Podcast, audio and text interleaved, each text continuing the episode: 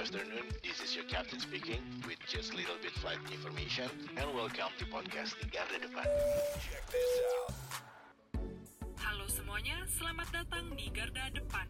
Bersama Neisa di sini, kita akan mendengarkan cerita-cerita dari para garda terdepan dalam mengawal COVID-19 di Indonesia.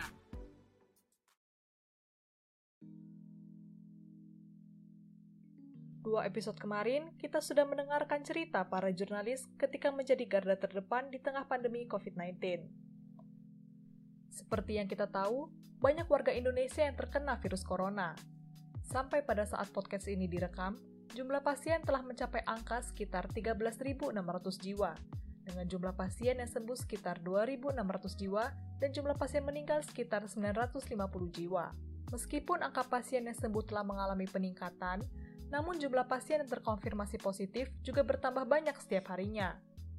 Rumah sakit darurat serta rujukan muncul satu persatu untuk menampung pasien COVID-19.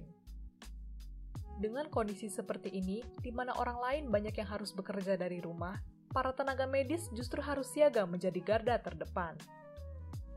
Bersama para pasien, mereka terjun langsung di medan perang untuk melawan virus corona. Pada episode ini, ada beberapa tenaga medis yang akan berbagi cerita kepada kita semua. Mereka adalah Dr. Aldo Kusumo, Dr. Ian Pranandi, serta Suster Kaulah Sahida. Pertama-tama kita akan mendengarkan cerita dari Dr. Aldo. Sekarang ini, Dr. Aldo merupakan dokter umum yang bertugas di salah satu rumah sakit rujukan COVID-19 di Semarang. Bisa dibilang, Dr. Aldo menjadi gerbang utama yang memeriksa pasien gejala COVID-19. Ketika ke rumah sakit, banyak pasien yang datang dengan keluhan seperti batuk, pilek, badan lemas, sampai demam yang tinggi. Dari pengalaman Dr. Aldo, tidak sedikit pasien yang berbohong ketika ditanya mengenai riwayat perjalanan dari luar kota atau habis kontak dengan pasien COVID-19. Kebohongan-kebohongan seperti inilah yang membuat tenaga medis kesulitan dalam mengedukasi masyarakat.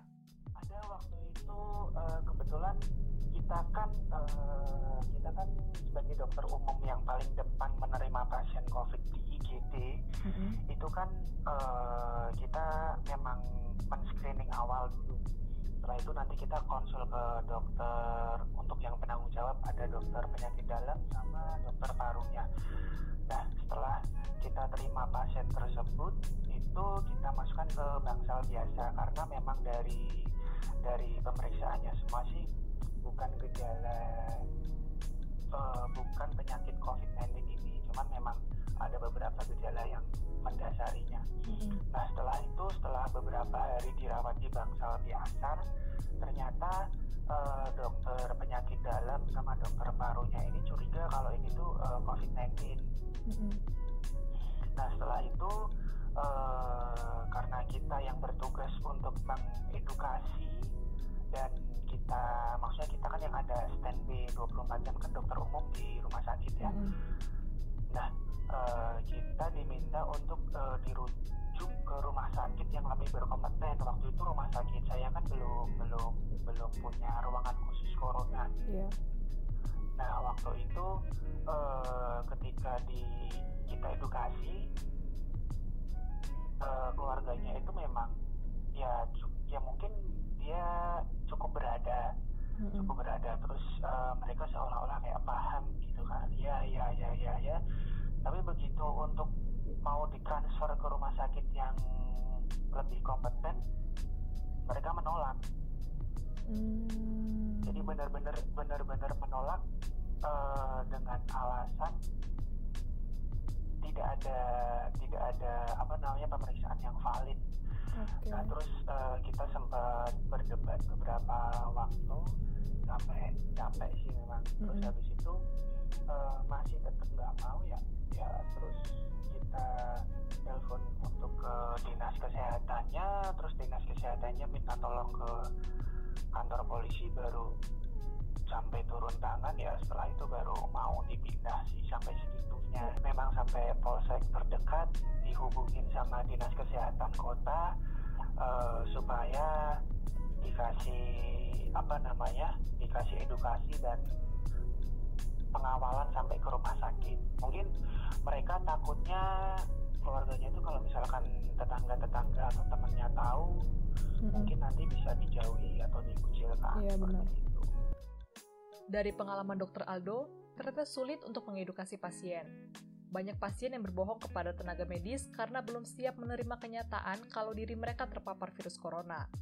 Bahkan, pihak kepolisian juga harus turun tangan untuk memberikan pengertian.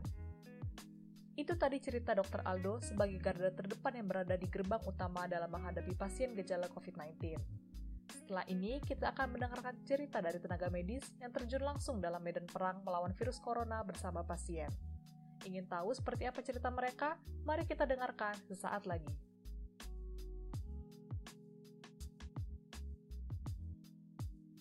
Kembali lagi bersama Nesa di Garda Depan.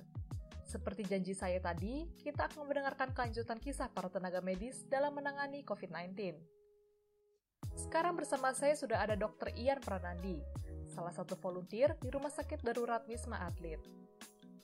Jadi volunteer merupakan kemauan Dr. Ian sendiri. Menurutnya, karena resiko yang tinggi, tidak semua tenaga medis bersedia untuk terjun langsung dalam menangani pasien COVID-19. Keputusan ini didukung oleh keluarganya, meskipun dengan kekhawatiran yang besar. Uh, dari awal udah diizinin, tapi diizinnya juga dengan takut. Jadi orang tua sebenarnya tak takut banget. Gue takut banget, makanya ini aku selama tugas di sini tiap hari yang ditanyain terus pada lagi sibuk banget. Jadi di WhatsApp tanya-tanyain terus, itu gimana gimana. Pasti khawatir banget ya, tapi dari awal emang izinin. Karena mereka juga tahu ini masalah gede banget. Dan dibutuhin dokter-dokter muda yang emang bersedia dan berani untuk menangani ini. Dan aku salah satunya gitu kan. Nah, dan meskipun mereka sebenarnya khawatir banget tapi ya udah pada akhirnya mengizinkan. Cara dokter meyakinkan orang tua gimana saat sebelum pergi bertugas gitu dok? Sebelum pergi ke wisma ya, karena aku karena aku cerita ke mereka kalau aku udah ngajakin teman-teman aku kan semua sesama dokter juga. Tapi dari mereka semua pada mau pada takut gitu loh. Dan aku bilang kalau semua dokter takut ini masalah corona ini bakal gak, gak keluar keluar gitu loh. Kalau semua tenaga medis takut untuk membantu ya ini malah bakal makin parah gitu loh. Jadi harus harus ada dokter yang benar-benar berani gitu loh. Dan aku merasa aku terpanggil untuk menjadi seorang dokter yang harus berani gitu aja bisa dibayangkan ya betapa berbahayanya virus ini sehingga tidak semua tenaga medis berani untuk menjadi volunteer. Nah, selama bertugas merawat pasien COVID-19 nih, dokter punya pengalaman menarik nggak sih? Ya, banyak sih di sini mah dramanya banyak banget nih. Coba dok boleh ceritain dok. Jadi, apa ya, waktu awal-awal saya jaga, ini saya jaga benar-benar pas masih baru-baru banget kan dibuka kan. Iya. Kayak sistem administrasinya semuanya kan semua juga masih berantakan gitu loh. Mm-hmm. Kayak masih gak teratur gitu, tenaga medisnya kurang gitu.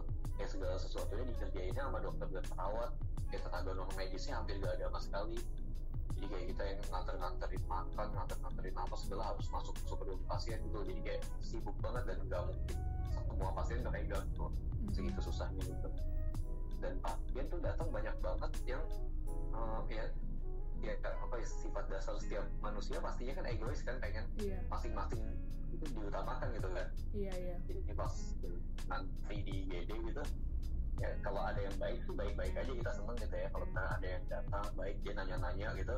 Nah terus saya dan bagi dokternya kalau dia uh, sifatnya baik juga seneng jawabinnya. Terus mereka juga bilang ya semangat terus ya untuk tenaga medis semua pasti kalian capek gimana ya?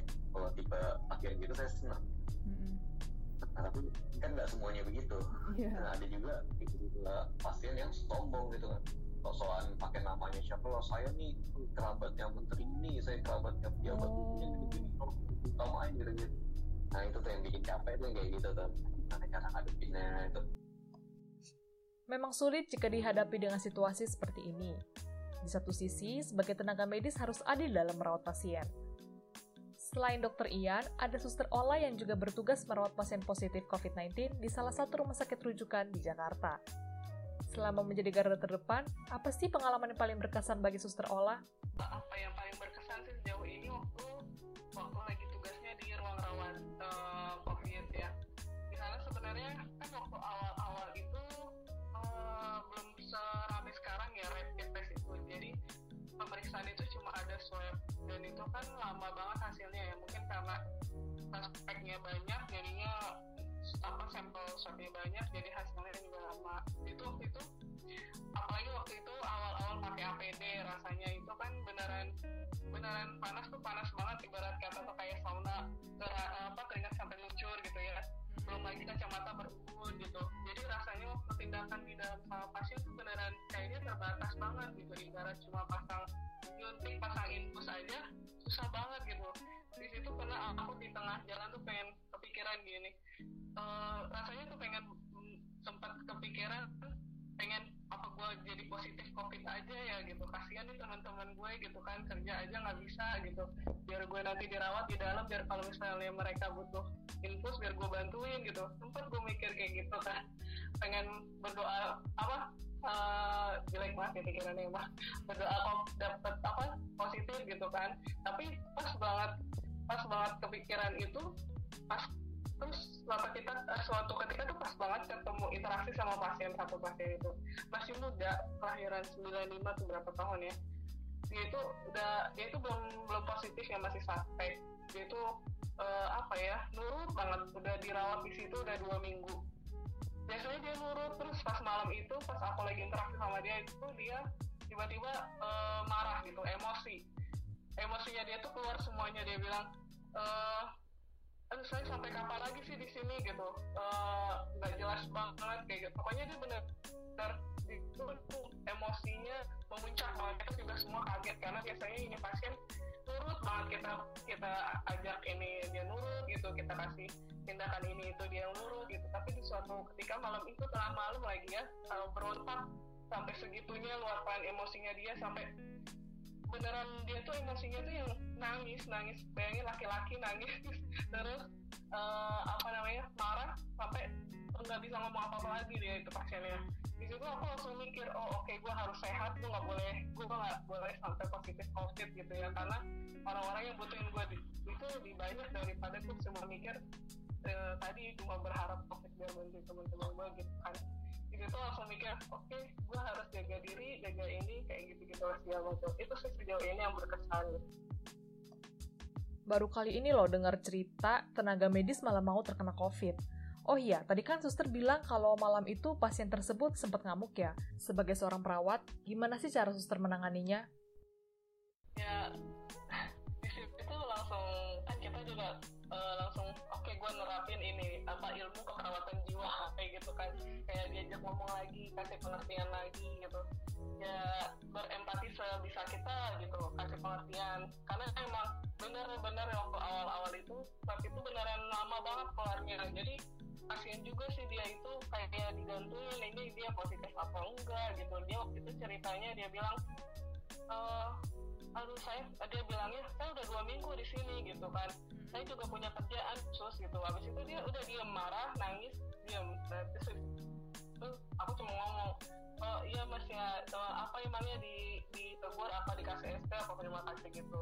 Terus uh, ya udah tapi dia nggak ngerespon lagi semenjak aku cuma nangis diem aja gitu kan pengertian oke okay, mas emang ini prosedurnya kayak gini gini emang kita nggak bisa ada yang kontrol kan kalau masalah hasil lab itu kan kita nggak ada yang bisa kontrol karena kan um, ngetesnya juga di litbang gitu bukan di rumah sakit kita gitu kan. Bukan di laboratorium kita gitu. Tapi untungnya sih ya bagusnya besoknya itu rapid test itu kan udah mulai ada. Jadinya besoknya dia langsung di rapid test dan boleh pulang. Itu happy ending juga bagusnya. Dan ternyata mungkin uh, dia aku berkesan juga tentang dia dia mungkin juga berkesan tentang kita kali ya habis itu dia gak lama dari itu dia kasih bantuan apa ini ke rumah sakit kita ya, Pastinya perjuangan para tenaga medis di tengah pandemi ini sangat berkesan di hati para pasien. Seperti pasien suster Ola yang memberikan APD kepada rumah sakit. Kita semua tahu bahwa ketika merawat pasien COVID-19, tenaga medis harus mengenakan berbagai macam APD dari ujung kepala sampai ujung kaki. Menurut dokter Ian dan suster Ola, perjuangan mereka memakai APD itu sangat berat. Ketika sudah memakai APD, itu artinya mereka harus menahan lapar, haus, sampai buang air selama hampir 10 jam. Bagi suster Ola, memakai APD membuatnya mengubah gestur dan intonasi bicara ketika berinteraksi dengan pasien. Hal itu ia lakukan sebagai bentuk empati kepada pasien yang tidak bisa melihat wajah para tenaga medis karena ditutupi oleh APD. Ya paling ini sih ya, touchingnya diseringin juga gitu kan. Karena uh, ya kemarin apalagi kemarin itu baru baru banget ada pasien nih jadi itu masuk ke ke covid gitu kan. Dia bilang aduh nanti saya nggak nemenin kata keluarganya kan. Nanti saya nggak ada nggak nemenin di mana bapak? Di situ aku langsung uh, apa ya hmm, ini lagi tercengang lagi gitu baru mikir lagi oh iya ya gitu kan. Ini pasien kan di dalam itu nggak ada siapa siapanya gitu. Jadi benar-benar mikir lagi kalau kalau kita tuh bukan cuma jadi perawat doang gitu di dalam situ gitu tapi penggantinya uh, orang-orang yang orang-orang yang sangat yang sayang sama pasiennya itu di luar sana banyak gitu yang nungguin gitu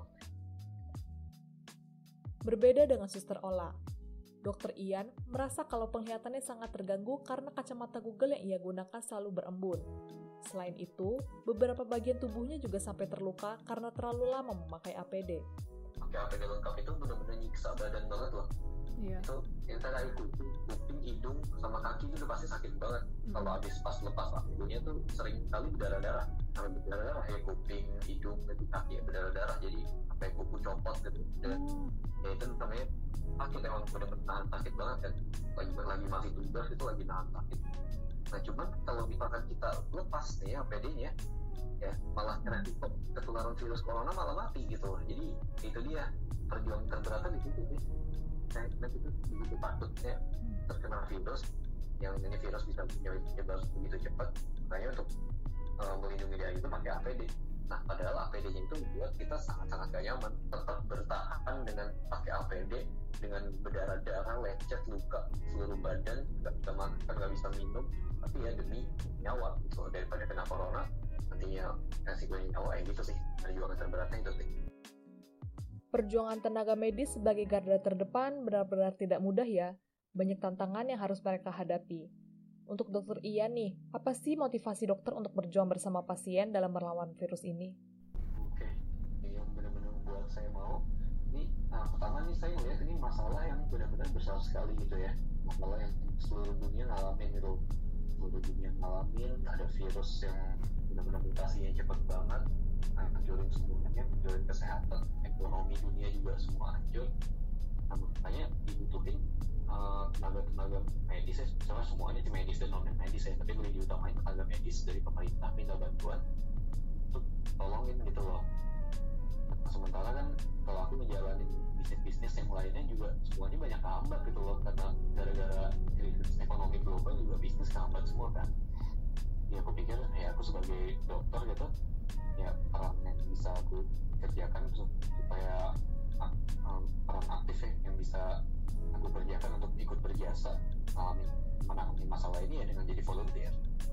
Volunteer, volunteer yang dibutuhin pemerintah tuh kalau bisa ya semua yang masih dokter-dokter ya yang masih muda sehat dan belum menikah gitu lebih diutamain. Jadi, makanya aku ngerasa ya udah itu kriterianya pas ke aku banget gitu kan. Nah sementara teman-teman aku banyak juga sebenarnya kriteria begitu tapi pada takut. Ya udah jadi aku pikir kalau semua orang takut gimana gitu? Jadi ya udah. Nyawa kayak harus jalanin gitu aja sih. Terakhir, untuk suster Ola. Apa sih yang paling suster rindukan di hari-hari biasa sebelum terjadinya pandemi ini?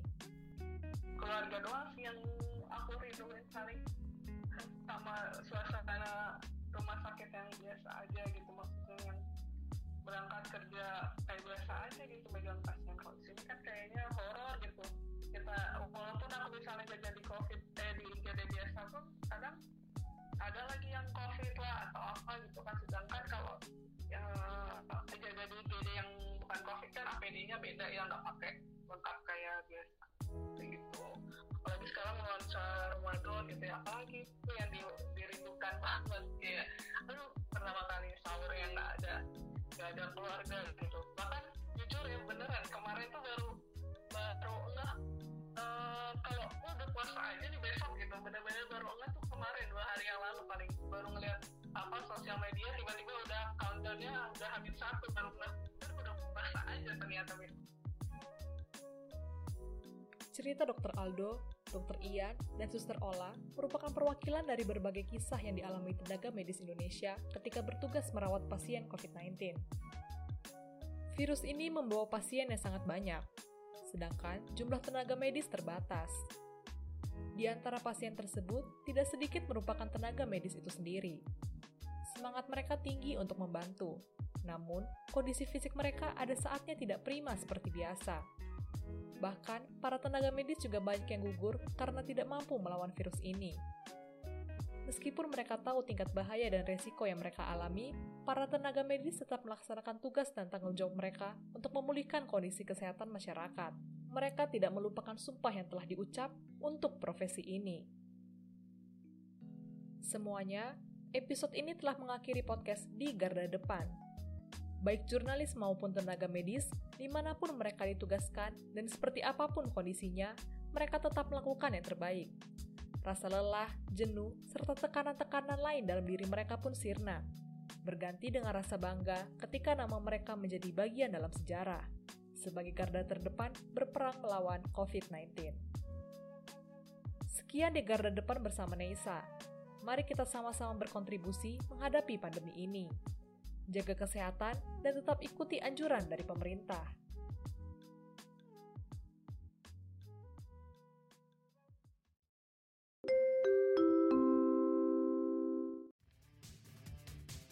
baru saja mendengarkan podcast di Garda Depan. Terima kasih atas perhatiannya dan sampai bertemu di episode selanjutnya.